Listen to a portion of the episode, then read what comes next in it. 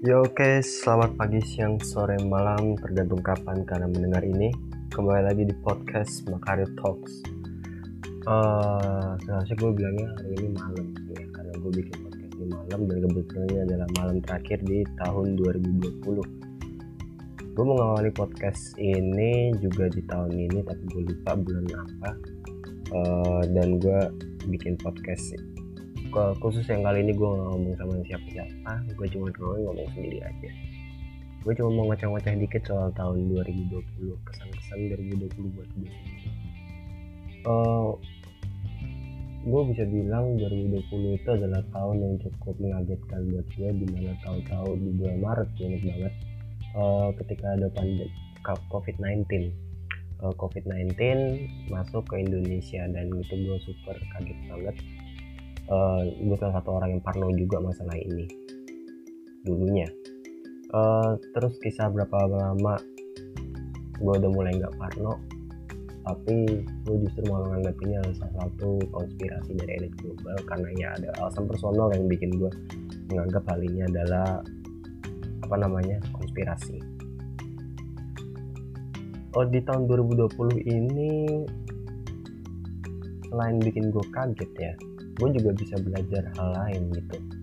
Uh, jujur aja uh, apalagi kalian tahu gitu. Apalagi buat kalian dengar uh, atau terus kalian teman-teman gue pasti tentunya tahu gue udah gue ngebangun juga salah satu startup gue yaitu Terix yang ber, bergerak di bidang logistik. Kabarnya ya baik-baik aja gitu.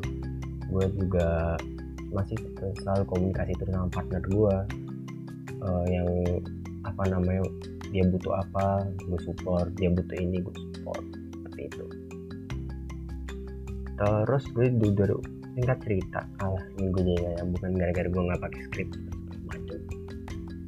terus gue mulai belajar yang namanya tuh ya sulap awalnya gue tertarik tuh gara-gara si Chandra Leo bikin podcast sama di Publisher dia main kartu lah gitu gue coba lah belajar main sulap bukan belajar sih. Uh, jadi emang dulu tuh gue udah punya minat yang cukup tinggi terhadap main sulap apalagi pas zaman gue SD zaman SD itu gue inget banget itu ada pameran buku tuh kalau di sekolah gue dulu tuh uh, habis hampir rapot gitu. Nah kebetulan di tahun itu kalau nggak salah tahun 2010 itu The Master tuh lagi boom boomnya gue tahu tuh Jijo Sandi, Limbat, segala gue inget banget kalau nggak salah itu kenaikan kelas kelas tiga kalau nggak salah ya.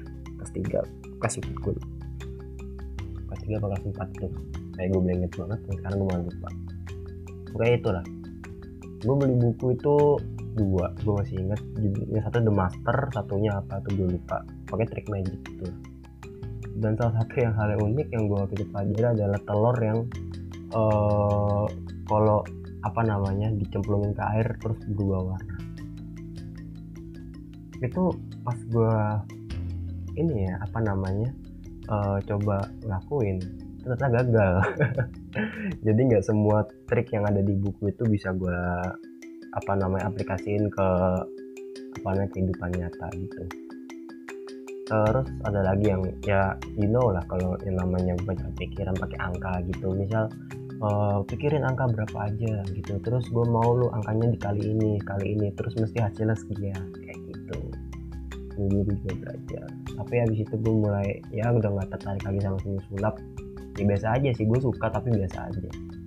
Uh, sampai akhirnya gue lama banget gak belajar sulap gitu. Ya cuman sekedar tahu aja karena emang gue nggak salah itu tahun 2000 berapa ya? 2011 2012 sulap itu udah mati-matinya gitu. Nah pada saat gue tahun 2020 ini dia pandemik uh, gue ngelihat si Chandra Leo main kartu kok keren dia bisa ngefloris segala macam akhirnya gue iseng-iseng lah gue belajar. Gue beli itu kartu di Indomaret itu. Itu bahan kartu masih sampai sekarang gue masih gue jaga gitu. Even uh, kartu ya kartu warung gitu. Tapi gue sayang banget sama kartunya. Cuman gue kemarin agak menyesal pada saat ada acara keluarga gue malah minjemin kartu tersebut ke adik gue yang paling kecil dan ya you know lah anak kecil kalau main barang gitu ending-ending kayak gimana. Itu gue lakuin waktu itu untuk melindungi kartu bicycle gue yang baru gue beli. Gue uh, masih sayang banget sama kartu bicycle gue. Makanya gue nggak mau kartu bicycle gue kenapa-napa. Dan yang terjadi pada saat adik gue megang ya itulah yang kalian udah bisa bayangin lah.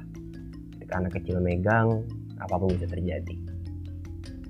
Nah uh, pada saat gue belajar sulap gitu gue pertama main kartu gue nyoba ke adik gue dan adik gue yang sempat kebingungan gitu ini gimana kok bisa kayak begini? Oke dan singkat cerita gue mulai tertarik sama eskapologis uh, kalau yang kalau misalnya kalian nggak tahu eskapologis itu apa eskapologis adalah aksi di mana yang bisa itu orangnya diborgol terus diikat segala macam terus ada ya nyawa di nyawa dari ujung tanduk lah. Nah, itu eskapologis nah kebetulan uh, pas gue bisa main sulap dikit-dikit gitu gue udah kepikiran gitu apa si ekskapologis gue yang pertama dan itu kepikiran tuh adalah kursi basah yang di mana kontennya tuh ada di ini di Instagram gue ya, ya buat kalian kasih tahu lah Instagram gue apa. Uh, terus awalnya gue planningnya tuh main sama adik gue sih. Gue pengennya awalnya bikinnya di rumah uh, nenek gue gitu tapi ternyata nggak sesuai rencana gue malah gue bikinnya sama temen gue di dekat rumahnya dia. Dan justru juga uh, depan gue tuh gue main gue bikin tuh depan rumahnya dia gitu. Itu bener-bener kadang diliatin orang sampai mungkin nih orang orang-orang di tuh mikir kayak ini orang ngapain sih main aksi ini? Nggak jelas kayak gini diikat di borgol segala macam gitu. Itu gue gak akan lupa itu tempat tuh itu karena buat gue tempatnya cukup bersejarah nah sampai ada di mana gue ketika main eskapologis gue yang terakhir yang uh, kalau nggak salah nama aslinya tuh rope escape yang ketika lo udah diikat terus kepala lo dimasukin ke plastik dan plastiknya tuh di apa namanya lakban nah ketika gue uh, main pertama kali itu sempat miss ada miss di antara gue sama uh, temen gue yang menyebabkan waktu itu gue udah mau yang pertama gue gagal gue akuin gue gagal yang pertama. Karena uh, apa namanya kalau misalnya ini kalian yang udah lihat konten pokoknya yang udah kalian udah lihat konten gue di Instagram yang ini yang baru itu gue udah itu tag tag yang ketiga kali.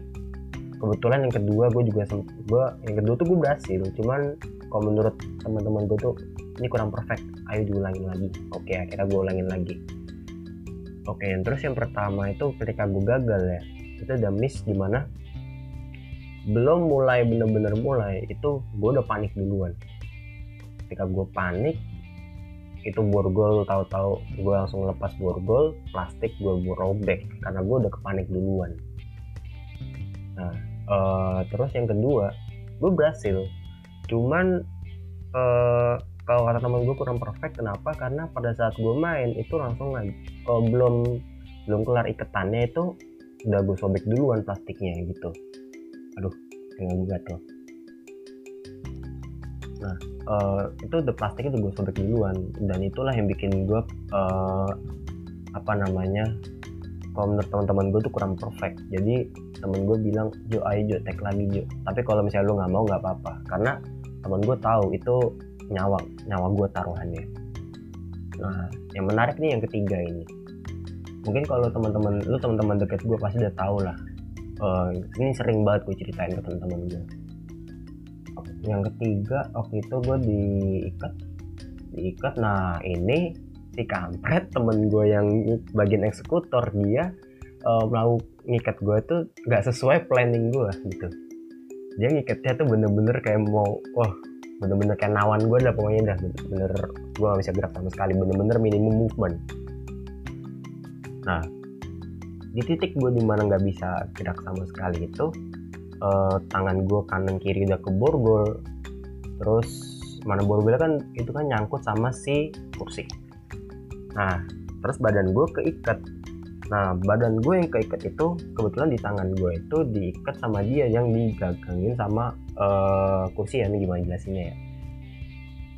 Ya pokoknya gitu deh. Tangan gue ikut diikat juga gitu. Yang awalnya cuma planning gue cuma badan doang tapi ini tangan gue juga ikut diikat. Nah karena gue udah panik uh, terus lepas itu itu lepas. Cuman pada saat gue nyari tali yang untuk gue lepas itu nggak ada. Hilang gara-gara gue panik apalagi tambah oksigen gue udah mulai nipis. Nah ketika tiga menit di atas itu gue mungkin gak terlalu ngerasa uh, oksigen gue kayak gimana gimana gitu. Pada saat udah mulai lima menit ke atas itu uh, yang terjadi adalah lidah gue tuh udah mulai pahit dan kepala gue mulai pusing. Ditambah bau plastiknya yang gak enak. Soalnya sebelum main itu plastiknya disterilin dulu sama temen gue jadi semprotin pakai ini uh, antis semprotin sama dia dulu luar dalam. Baru dipasang kepala gue kayak gitu. Pahit. Itu pahit gue emang ternyata kalau yang gue sempat di temen gue cerita ketika lu kekurangan O2 yang lu ngerasain adalah kepala lu bakal pusing dan lidah lu bakal pahit. Seperti itu. Nah surprise nya gue ketika gue selesai main itu ada anak-anak yang ngeliatin gue tuh. Gue nggak expect juga sih. Soalnya gue terlalu waktu terlalu fokus sama permainan gue aja waktu sampai teman gue bilang Jo ada yang nonton nih. Gue nggak peduli. Waktu itu yang gue tahu uh, gue harus bisa lepas dari ikatan itu dan apa namanya gue blackout juga sih. Jadi gue sempat gak sadar juga pada saat gue main. Itu udah pandangan udah gelap semua. Kalau kalian ngelihat di permainan gue yang di konten gue itu itu beberapa emang adegan gue potong karena buat gue tuh terlalu lama. Karena buat lepasnya sendiri aja itu aslinya tuh butuh waktu gue butuh waktu 6 menit untuk melepas semuanya. Tapi uh, untuk mempersingkat akhirnya gue jadiin aja uh, sekitar total 4 menitan lah videonya kok nggak salah itu. Nah ketika gue berhasil lepas gue kaget ada anak-anak itu langsung gue bilang aja ke mereka. Dan ditiru loh ya nah, gue gituin. Karena gue takut aja tahu-tahu anak-anak tuh pada niru gitu. Nah habis itu teman gue selalu bilang kebetulan partner gue Rafael Raf if you listen this uh, gue bangga lah pokoknya lah punya partner kayak lu. Asik. Uh, partner gue Rafael selalu bilang kalau misalnya gue sama Rafael tuh partner dalam hal ya bisa dibilang dalam hal apa pun. Nah gue sama dia juga sering konsul apa namanya uh, bicara tentang masa depan investasi macam nah dia tuh selalu memberi gue challenge. Ketika ketemu orang baru ketemu orang asing langsung dia kayak gini ke gue Jo ayo Jo main kayak gitu. Dan waktu itu Rafael bilang langsung kayak e, Jo ada anak kecil mau main nggak? Gitu. Oke gue bilang kayak gitu. Ya udah. Akhirnya Rafael masuk ke rumahnya dia lagi ngambil lah kartu gue itu. Gue main lah depan anak-anak. Satu tek eh satu apa namanya permainan lah. Slang offense kayak gitu. Gampang sih nah udah main terus mereka nanya mas uh, channelnya apa? Gitu. Mereka tanya channel YouTube gitu. Ya emang sih gue punya channel YouTube tapi channel YouTube gue tuh nggak terlalu aktif. Jadi lebih kayak ya gue iseng pakai iseng-iseng aja sih. Gue nggak gimana gimana kalau sama channel YouTube gue gue pernah itu gue bikin salah satu vlog. Kalau gue bilang itu film pendek tapi setelah temen gue kritik ini bukan film pendek ini adalah vlog even lu menjadi orang lain di film ini eh di uh, konten ini tapi tetap aja ini bukan film pendek ini adalah vlog. Oke tapi gue ya keliru. Saya gue bikinnya jadi mono film monolog kadang kebetulan itu gue bikinnya bener-bener sendiri ya. Mulai dari produksinya gue di, di kamar gue sendiri bahkan gue pakai apa gue meminjam tripodnya adik gue gitu untuk bikin uh, salah satu vlog bukan film monolog ya. Nah akhirnya gue uh, eh, gue balik ke anak-anak tadi. Btw ini panas. Kipas ini gue rancing dulu. Nah cakep. Nah setelah gue bikin apa namanya anak-anak nanya mas ini apa? Gue bilang aja gue nggak uh, gue ada channel YouTube cuman nggak aktif. Mending larinya ke IG gue aja. Habis itu gue bilang IG IG ku ini. Oke mas. Nah gue juga kaget. Habis itu anak itu anak anak-anak tuh udah ngefollow gue kan. Yang masih bocil yang gue inget dia ngedem gue mas ini aku tadi yang pakai baju merah kayak gitu. Baju merah jangan sampai lepas. Wah malah beneran dapet gue baju merah. Tapi bocil. Cowok lagi. Mau gue mah nggak nggak bercanda. Nah terus ada lagi tuh yang kalau kalian lihat yang konten gue gue main kartu sama anak-anak itu gue juga salah satu orang yang megang kartu itu juga ngomen di konten gue tersebut. Dia bilang mas aku adalah orang yang ini mas yang pegang kartumu mas. Inget gak mas? Nah, kayak gitu. Nah si salah satu anak yang ikut nonton gue gitu dia nanya juga ke gue nge DM ya gitu. Mas uh, kapan lagi syuting nih? Mau nonton? Kayak gitu nah kebetulan emang gue tuh sama Rafael itu udah punya ide untuk bikin Speed to Survive. Tapi uh, dikarenakan apa namanya uh, belum ketemu waktu yang tepat gitu makanya gue harus mundur lagi. Karena speed to, to survive itu gue butuh yang namanya eksekutor. Nah buat gue pribadi kalau ketika butuh eksekutor ini uh, mungkin terkesan lebay tapi gue butuh yang namanya daya hitam di atas putih yang mana di situ menandakan bahwa uh, apa pun yang terjadi dan apa pun yang gue uh, gue lakuin di situ itu adalah sepenuhnya tanggung jawab gue bukan tanggung jawab si eksekutor Nah, kalau kalian nggak tahu Speed to Survive gimana, coba lihat di YouTube ya. YouTube tuh ada kalau nggak salah punya uh, Master Damian. Itu dia main Speed to Survive. Tapi kalau dia pakai mobil, kalau gue sih pengen yang low budget aja pakai motor lah, gampang aja.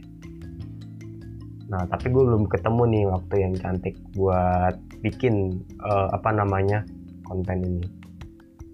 Awalnya gue pengen bikinnya tuh ya sebelum tahun 2020 lah. Hitung-hitung jadi konten penutupan gue tapi endingnya justru konten gue yang ini yang Rob Escape itu adalah jadi konten terakhir gue di tahun 2020 padahal gue syutingnya jauh. Jauh banget sebelum tanggal 31 Desember. Apalagi tepatnya gue nge-record podcast ini.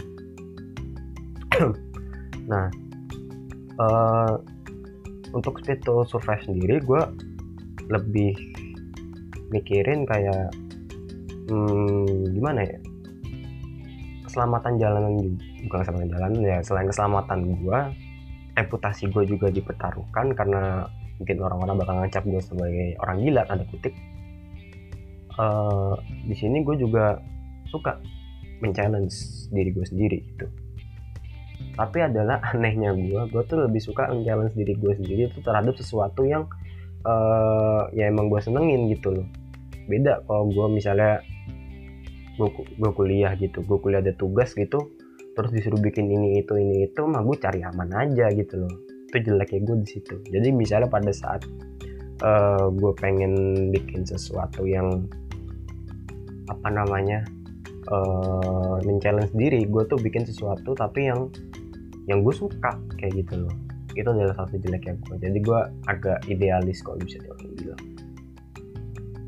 nah buat gue di tahun 2020 ini juga adalah uh, banyak hal yang bikin gue cukup mes juga sih. Gue pernah ketemu uh, gue ini gue juga punya temen ya. Even gue orangnya mungkin ke orang orang lain bilang gue agak freak atau gimana tapi gue sih gue punya teman alhamdulillah. Nah temen gue dia temen gue ini adalah temen gue zaman SMP satu-satunya kalau gue bilang. Nah dia ngenalin gue sama temennya dia. Nah kebetulan gue sama dia ternyata satu guru tuh.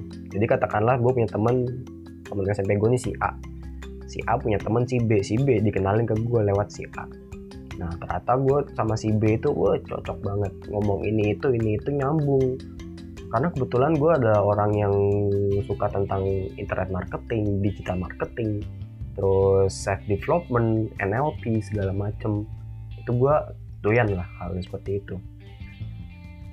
Waduh pantu bangsa nah ketika gue ngomongin ini itu terus bahkan gue sama dia juga ngomong tentang energi apa namanya alam terus otak bawah sadar otak sadar terus tipe-tipe manusia yang kayak gimana aja macem-macem. Padahal uh, beliau ini orangnya tuh lebih muda dibanding gue dua tahun di bawah gue lah. Adik gue kira kurang lebih. Tapi gue sama dia tuh bisa cocok. Sampai di mana uh, beliau ini ngajak gue salah satu seminar seminar dia bukan seminar dia sih seminar dari mentornya dia waktu itu nama seminarnya adalah main programming nah di seminar itu berbayar berbayar gitu loh gak gratis kalau gratis mah gue enak nah gue ikut seminar main programming. Nah, salah satu testimoni yang di, yang gue dapat adalah ada salah satu mahasiswi ketika dia lagi ngerjain tugas akhir gitu. Nah, uh, kebetulan waktu itu dia garapnya tentang apa namanya pengaruh bakteri baik dari ASI terhadap uh, kesehatan bayi apa gimana gitu loh. Nah kebetulan waktu itu ASInya tuh katanya nggak keluar keluar gitu loh. Nah terus ketika dia memakai cara dari main programming, ASInya asinya ini kok jadi ambigu gini uh, bakteri itu jadi keluar dan dan keluarnya nggak bukan satu dua tapi banyak banget gitu loh yang awalnya sama sekali nggak ada dia udah sampai kayak hopeless gitu uh, tahu-tahu banyak banget gitu bakterinya gitu. Bakteri baiknya bukan bakteri jahat ya. Nah gue belajar lah uh, main tentang main programming itu. Dan ternyata salah satu yang gue pelajarin itu uh, level energi manusia itu punya ada levelnya. Misalnya uh, ketika lu bilang aku pengen sama aku mau itu beda. Uh, apa namanya energi beda. Ketika lu bilang aku pengen itu cuman ibarat kayak ya udah lu pengen doang tapi uh, you do nothing for getting that gitu loh. Nah bedanya ketika lu bilang aku mau itu lu udah jelas lu tahu planningnya mau gimana mau ke jalan ke A atau jalan ke B untuk mendapatkan hal tersebut begitu. Nah singkat cerita gue uh, dapat sesuatu lah dari seminar tersebut gitu. Itu sekitar habis itu dua minggu kemudian gue ikut uh, apa namanya seminar lagi. Seminar financial revolution. Nah kalau ini kebetulan ini gratisan lah. Alhamdulillah gue dapet. Soalnya zaman dulu ya sekitar bulan Mei itu gue ikut seminar financial revolution yang batch 1 itu dari acara Pak Tung Desa Waringin. Gue ikut nah di sini gue dikasih gratis. Karena gue udah pernah ikut kayak gitu. Nah ketika gue ikut amaze-nya gue adalah di situ kan ada giveaway. Giveaway gitu.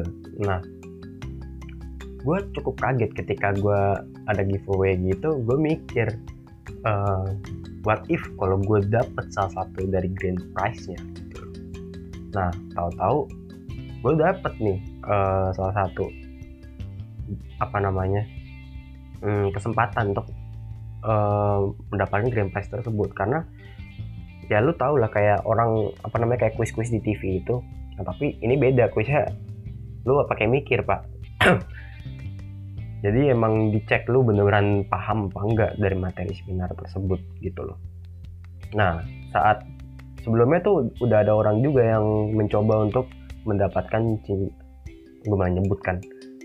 Ya nggak apa-apa gue sebut lah dapatkan hadiah adalah cincin waktu itu. Nah uh, ketika orang lain itu gue dalam hati berharap juga semoga orang ini dapat gitu loh. Karena gue mikirnya kayak kalau misalnya orang ini dapat ya gue bersyukur juga gitu. Wah berarti ini orang uh, apa namanya lagi dalam lucky day kayak gitu. Gue bersyukur kayak gitu loh. Nah tapi ternyata empat kalau nggak salah lima orang tuh gagal nggak lima orang gagal. Dan akhirnya kelempar lah ke gue itu di momen itu tuh kocak banget sih asli. Gue sama temen gue udah sepakat kalau misalnya salah satu dari kita ada yang dapat kesempatan kita harus saling bantu apa namanya saling bantu jawab pertanyaannya. Nah kebetulan waktu itu pertanyaan gue adalah sebutkan 6 level keuangan menurut, menurut Anthony Robbins. Beuh, gue pernah inget itu apa namanya jawabannya. Tapi waktu gue sempet lupa nah kalau dikasih waktu 2 menit. Gue yang kayak aduh gimana ya gimana ya? Gue cek cerita teman gue siapa tahu teman gue mau bantu. Ternyata kagak dia cuma nyemangatin doang gitu loh. Batin gue ya apa juga nih gue nih. Wah kalau dapet kan lumayan. Ya udah gue cari kebetulan di internet ada. Karena emang ada beberapa materi yang kebetulan uh, ada di internet gitu. Oh ya btw don't get me wrong ya. Pas sebelum gue apa namanya ada pertanyaan tersebut itu gue sama temen gue bilang ketika antar kalau misalnya kita yang kena jo pertanyaan itu bakal gampang percaya sama gue dan kebetulan yang gitu kena gue pertanyaannya bener ya pertanyaannya uh, gampang gitu lah. Nah gue yang gue waktu itu nyebut kayak gini financial fraud security tapi kan sempat ini karena harus urut gue cari internet dan ketemu lah akhirnya gue inget. Karena yang gue lupa itu cuma dua atau tiga poin. Ini kalau misalnya gue sebutin lagi dari bawah itu adalah financial protection financial security terus aduh gue lupa kan. Aduh apa ya financial anxiety apa apa lagi dulu gue lupa. Pokoknya abis itu security yang selanjutnya itu financial independent financial freedom yang terakhir adalah absolute financial freedom. Kalau kalian mau tahu itu apa ya cek sendiri lah di internet tuh banyak gitu. Atau mau langsung dari Anthony Robbins sendiri itu bisa lah. Nah situ itu ketika selamat kamu dapatkan hadiah. Wah gue seneng banget gue sampai teriak-teriak tuh itu udah malam banget padahal itu sekitar jam 12 kalau nggak salah 12 malam. Itu gue sampai nangis depan kamera men. Dan gue nangis itu dilihat sama masih orang yang hadir sekitar seribu. Seminar itu yang hadir tuh seribuan gitu gue nangis depan kamera itu. Gue nangis ya nangis nangis lebay gitu sih ya. Gue agak aneh. Terus ketika berhasil gue dapet temen gue yang tadi si A ini telepon gue wah Jo selamat Jo. Gini bla bla bla. Gue sampai masih eh ini gue mimpi gak sih? Ini gue mimpi gak sih? Gue sampai nabuk nabuk nabuk gue gitu. Apa namanya? Enggak Jo lu gak mimpi kok Jo. Langsung gitu alhamdulillah. Terus gue bilang ini gue harus ini uh, ngontak soal ngontak pemateri gue di main programming. Mungkin gue sebut aja namanya adalah namanya adalah Basuki Haryadi nah tapi gue manggilnya coach Basuki. Nah gue kontak lah besoknya itu kan itu gue seminar hari Sabtu. Gue kontak hari Minggu gitu. Gue bilang Pak saya berhasil. Karena sudah berhasil uh, mempraktekkan apa yang bapak ajarkan saya mendapatkan ini gitu. ya beliau juga seneng gitu. Mantap. Terus dia bilang uh, teruskan stay stay apa namanya tetapkan energimu di atas kayak begitu nah dia juga bilang gitu uh, ada tingkat energinya juga tingkat ke, uh, ke rasa gue ingin memilikinya itu berapa gitu. Dalam arti tinggi apa enggak. Terus gue bilang ya gue bilang ya cukup tinggi juga pak. Sehingga saya bisa mendapatkan itu itu itu kan juga bisa saya buat investasi. Nah cuman gue habis itu diuji lagi nih di apa namanya pada saat pengirimannya itu karena gue kira pengirimannya tuh bakal cepet atau gimana ya dalam arti kayak lu di Shopee itu kan tanggal 12 12 12 ya. Jadi uh, eh, gue mikirnya kayak lu belanja online tiga hari kemudian datang ternyata kagak gitu loh. Dua minggu baru di baru datang sampai rumah gua kayak gitu loh. Nah sebenarnya gue juga dapat hadiah lain selain cincin yaitu buku. Tapi kebetulan bang bukunya gue udah punya sih. Jadi tapi malah tapi malah tuh bukunya nggak datang ya, ya sudah lah tapi kebetulan gue udah punya dan gue udah baca juga bukunya. Nah eh, ketika gue berhasil dapet itu hmm, itu adalah ke, salah satu kebimbangan juga ya buat gue karena nih cincin mau gue apain? Nah ketika gue udah siap uh, eh, gue udah ngajak temen gue untuk kayak yuk gue ajak ke toko cincinnya ini untuk gue nanya dulu harganya berapa karena gue nggak tahu kan kalau gue rupiah itu berapa. Karena di cincin itu juga nggak ada dikasih tahu dalam arti cincin seri-seri gimana gitu atau gimana gue kan juga kurang paham masalah cincin. Nah gue mau nanya aja kalau ke tempatnya ini kira-kira harganya berapa gitu loh. Nah uh, belum gue mau apa namanya hmm, uh, untuk nanya itu harga. Sekarang gue lagi ada uh, lagi terkena musibah. Yaitu om gue positif covid-19 dan beliau masih ada di Solo posisinya. Pada, pada saat beliau positif. Nah yang gue takutkan adalah sekarang ya even gue orangnya tuh adalah orang yang awalnya nggak percaya sama COVID-19 ini gue jadi agak takut. Jujur aja gue lagi takut. Bahkan um, gue sih even gue sekarang jujur gue lagi gejala sekarang asli. Gue nggak bohong gue gejala. Dan gejala gue itu adalah penciuman gue hilang dari tanggal 25 atau 24 nah uh, ya gue berharap aja besok gue tuh nggak apa namanya nggak positif tetap negatif gitu. Karena ya aneh aja sih. Orang kayak gue masih tahu-tahu positif. Ya karena gue juga orangnya jujur gue orangnya tuh aktif banget. Emang gue akuin gue sering keluar dan gue ngeyel masalah protokes tuh gue gue agak ngeyel. Apalagi gue kan pelatih bela diri. Gue juga ngelatih privat.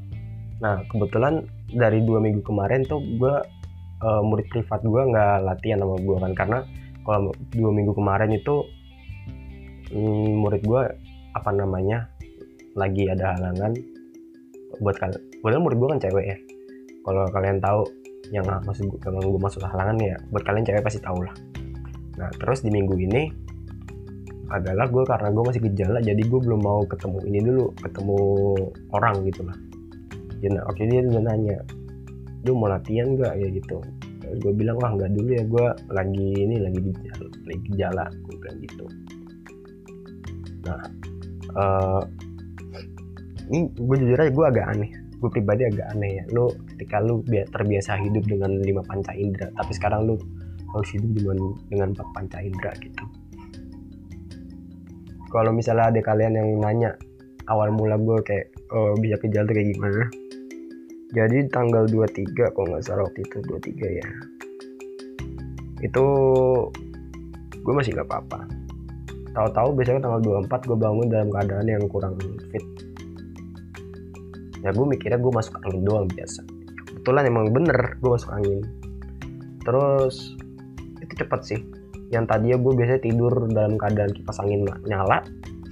Itu gue ini ya gue ceritain dikit gue nggak pakai kipas gue nggak pakai AC gue bukan orang-orang kayak lu pada. Gue cuma pakai kipas angin aja. Aduh bentar. Nah gue pakai kipas angin. Nah waktu itu kipas anginnya gue matiin dulu karena gue uh, kedinginan. Tapi gue juga nggak tahu kenapa bangun bangun bangun bangun itu kipas angin gue yang itu, itu tanggal 24 ya. Tanggal 24 itu kipas angin gue udah nyala gitu. Dalam arti ini pada saat gue kepanasan ini pasti gue nyalain. Dalam arti gue dalam pas gue nggak sadar banget. Gue berspekulasi kayak oh berarti gue lagi memba udah membaik gitu. Ya bener aja gue membaik tapi ada satu hal yang membuat gue agak aneh. Di mana gue feeling gue nge-feeling kayak kok gue nggak bisa nyium apa apa ya? Kayak begitu. Jadi bau-bau yang soft yang kayak apa sih? Ya sorry ya. Kayak bawa badan lu lah. Nyium bawa badan gue udah nggak bisa. Nah terus gue berdiri gue coba cium uh, salah satu minyak esensial gue masih bisa tapi cuma 10% lah. Nah habis itu uh, itu kan tanggal 25 ya kalau nggak salah ya. Itu gue gereja. Nah nah ketika gue ke gereja ya gue bener-bener jaga protokol protokol banget lah pokoknya lah. Karena gue tahu gue lagi gejala waktu itu. Nah cuman emang karena gue lagi pengen uh, ya mumpung lah setahun sekali gitu. Jadi gue gereja. Nah ada notifikasi WhatsApp. Ntar dulu aja. Uh, terus ketika gue apa namanya gereja terus gue biasa aja gitu. Terus gue makan soto nih. Nah gue makan soto gue bilang ke gue kan gak hidup sama orang tua gue ya. Gue waktu itu mak gue ke gereja sama om gue gue bilang kok ini sotonya kurang asin ya? Kayak gitu. Kagak ah mungkin lu aja yang salah pelet peletnya. Nah tapi ini lu jangan salah paham ya. Emang ternyata tuh gue biasa aja emang lidah gue nanti nggak kenapa-napa gitu. Karena kan orang kok ada yang bilang orang kok kalau orang lagi covid kan dia lidahnya kurang bisa merasakan gitu. Tapi ternyata gue emang nggak apa-apa kayak gitu. Emang waktu itu uh, ya ibarat lidah orang inilah lidah orang sakit lah gitu. Lu tau lah kalau lidah orang sakit yang masuk angin gitu yang aeron tenggorokan emang pasti kan agak gimana gimana gitu. Nah uh, abis itu gue curhat lah ke temen gue yang mantan covid. Gue bilang ini gue gejala nih. Dia kaget juga dia bilang wah lu harus udah mulai jaga jarak segala macem. Gue pribadi tuh yang orangnya yang orangnya tuh idealis dan gue gue bisa bilang gue orangnya cukup keras. Masalah protokes tuh gue bodo amat gitu karena buat gue itu konspirasi gitu dan gue bilang ke dia oke okay, for the first time gue nurut protokes kayak gitu. Gue turut lah itu gue ya uh, gue lebih suka di kamar. Biasanya kan gue kan gue orangnya kan ini banget family oriented banget. Jadi misalnya kalau ada keluarga gue di di ruang keluarga itu biasanya gue ikut nimbrung kayak gitu. Nah tapi ini kagak ini gue lebih sering di kamar aja. Gue ya main game kerjain tugas terus segala, segala macam di kamar. Ini tugas gue masih nganggur juga nih. Harusnya gue target gue mikir dikit-dikit nih belum gue kerjain lagi. Aduh ya udahlah udah selesai. Nah waduh ini mana ada tasan lagi. Dibilangin gak boleh ini gak boleh ngerayain tahun baru. Bego mah ngerayain tahun baru. Aduh maaf kasar. Nah eh tadi yang mana gue ngomong. Oh iya sampai gue ini. Apa namanya? Uh, aduh gue lupa. Bego banget gue oh iya protokes nah gue ceritalah ke dia. Nah, sempat gue bilang wah penciuman gue balik lagi gue ke dia wah ya bagus lah Jo tapi tetap jaga protokes ya, gitu. Oke gue bilang gitu. Setelah gue jaga-jaga-jaga fisik gue membaik sangat membaik. Gue akuin sangat membaik. Tapi tidak dengan penciuman gue penciuman gue hilang total. Jadi gue udah gak bisa nyoba apa-apa lagi gitu. Ibarat dan ini lucu kayak gini. Gue waktu kan sempet terapi tuh. Gue punya tiga minyak esensial di sini. Gue buka lah semua gue bedain. Tuh gue nggak bisa nyoba apa apa ternyata nah begonya gue gue nggak kasih tanda itu di tutupnya. Jadi gue nggak tahu ini ini tutup yang mana ini tutup yang mana ini tutup yang mana gue nggak tahu. Gue minta tolong lah sama tante gue gitu. Tante gue agak takut juga nih kok udah mulai kayak begini si Johan nih. Tapi ya udah gue nikmatin aja gue enjoy. Ya buat yang kebetulan emang besok gue juga harus tes. Even gue gak mau sebenarnya. Asli ya gue minta buat yang langsung dengerin ini atau yang udah ini uh, gue minta doa yang terbaik aja lah ya. Jujur gue cerita ini karena uh, di tahun ini banyak banget yang ya nggak sesuai ekspektasi. Tapi tetap ada hal yang beberapa hal yang gue syukuri.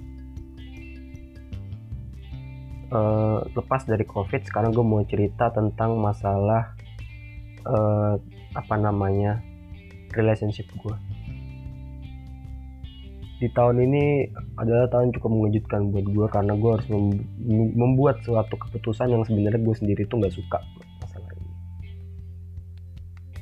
Uh, mungkin gue nggak bakal nyebut nama di sini, tapi apa namanya kalau misal beliau mendengar gue harap beliau tetap apa namanya uh, mengerti gitu gue punya sahabat. Cewek.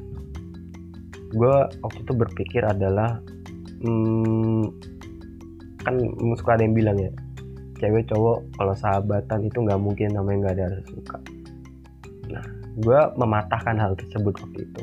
Gue bilang lah enggak gue biasa aja. Gue sama doi tetap sahabatan gue dalam arti ya gue kayak gini sama doi gue gitu sama doi itu ya gue enjoy enjoy aja gitu. Sampai uh, eh, gue mau mulai gue perasaan gue agak beda gitu. Dan gue mulai bertanya apakah benar yang diomongin orang? Kalau cowok sama cewek sahabatan tuh adalah bullshit. Atau gak ada rasa. Dan ternyata bener gue mulai sesuatu yang rasanya berbeda. Yes. I love her. Ada sesuatu ada yang rasa yang pengen lebih. Begitu. Nah ketika ada itu ini kejutan juga sih. Kejutan ketika uh, beliau ngomong gue mau merit. Itu gue kagetnya minta ampun dan gue nyesek ibarat lu gimana sih? Uh, lu bener-bener nyesek gitu begitu tahu hal itu. Ditambah gue juga gue gue pribadi kan juga masih dalam pemulihan ini traumatik dari gue sejak gue putus dari mantan gue gitu. Karena jujurnya sampai sekarang gue belum move on dari mantan gue eventnya udah setahun nih berarti. Gue putus tuh 4 Januari total. Setahun ya hampir setahun lah. Tapi gue inget banget di tahun ini di hari ini eh di tahun kemarin. Hari di tanggal ini gue bilang ke dia Happy New Year ya Bi semoga di tahun baru ini hubungan kita makin berkualitas tahun 2020 maksudnya. Jadi gue bilang oh iya iya bla bla bla bla. Eh empat hari kemudian putus. Nggak apa-apa lah. Karena emang hubungan gue sama beliau udah terlalu toksik oke baik lagi ke sahabat gue itu ketika sahabat gue bilang apa namanya uh, dia mau merit gue tuh kagetnya minta ampun. Gue langsung kayak what the hell man? Kok gue kayak gini? Ini dengan normal. Habis itu gue bilang lah gue curhat ke partner gue yang mana partner gue itu apa namanya nggak kenal sama apa namanya sahabat gue ini. Nah partner gue yang gue ceritain dulu partner gue di Terix which is beliau adalah ya lu tau lah partner gue dari siapa. Gue ceritalah ke beliau itu terus beliau bilang e, Jo lu harus sabar lu harus tenang penting lu fokus dulu ke apa yang sedang lu kerjakan sekarang. Oke gue mengiyakan omongan beliau juga. Nah tapi setelah itu uh, eh, gue jadi orang yang berbeda banget dalam arti perlakuan gue ke perempuan.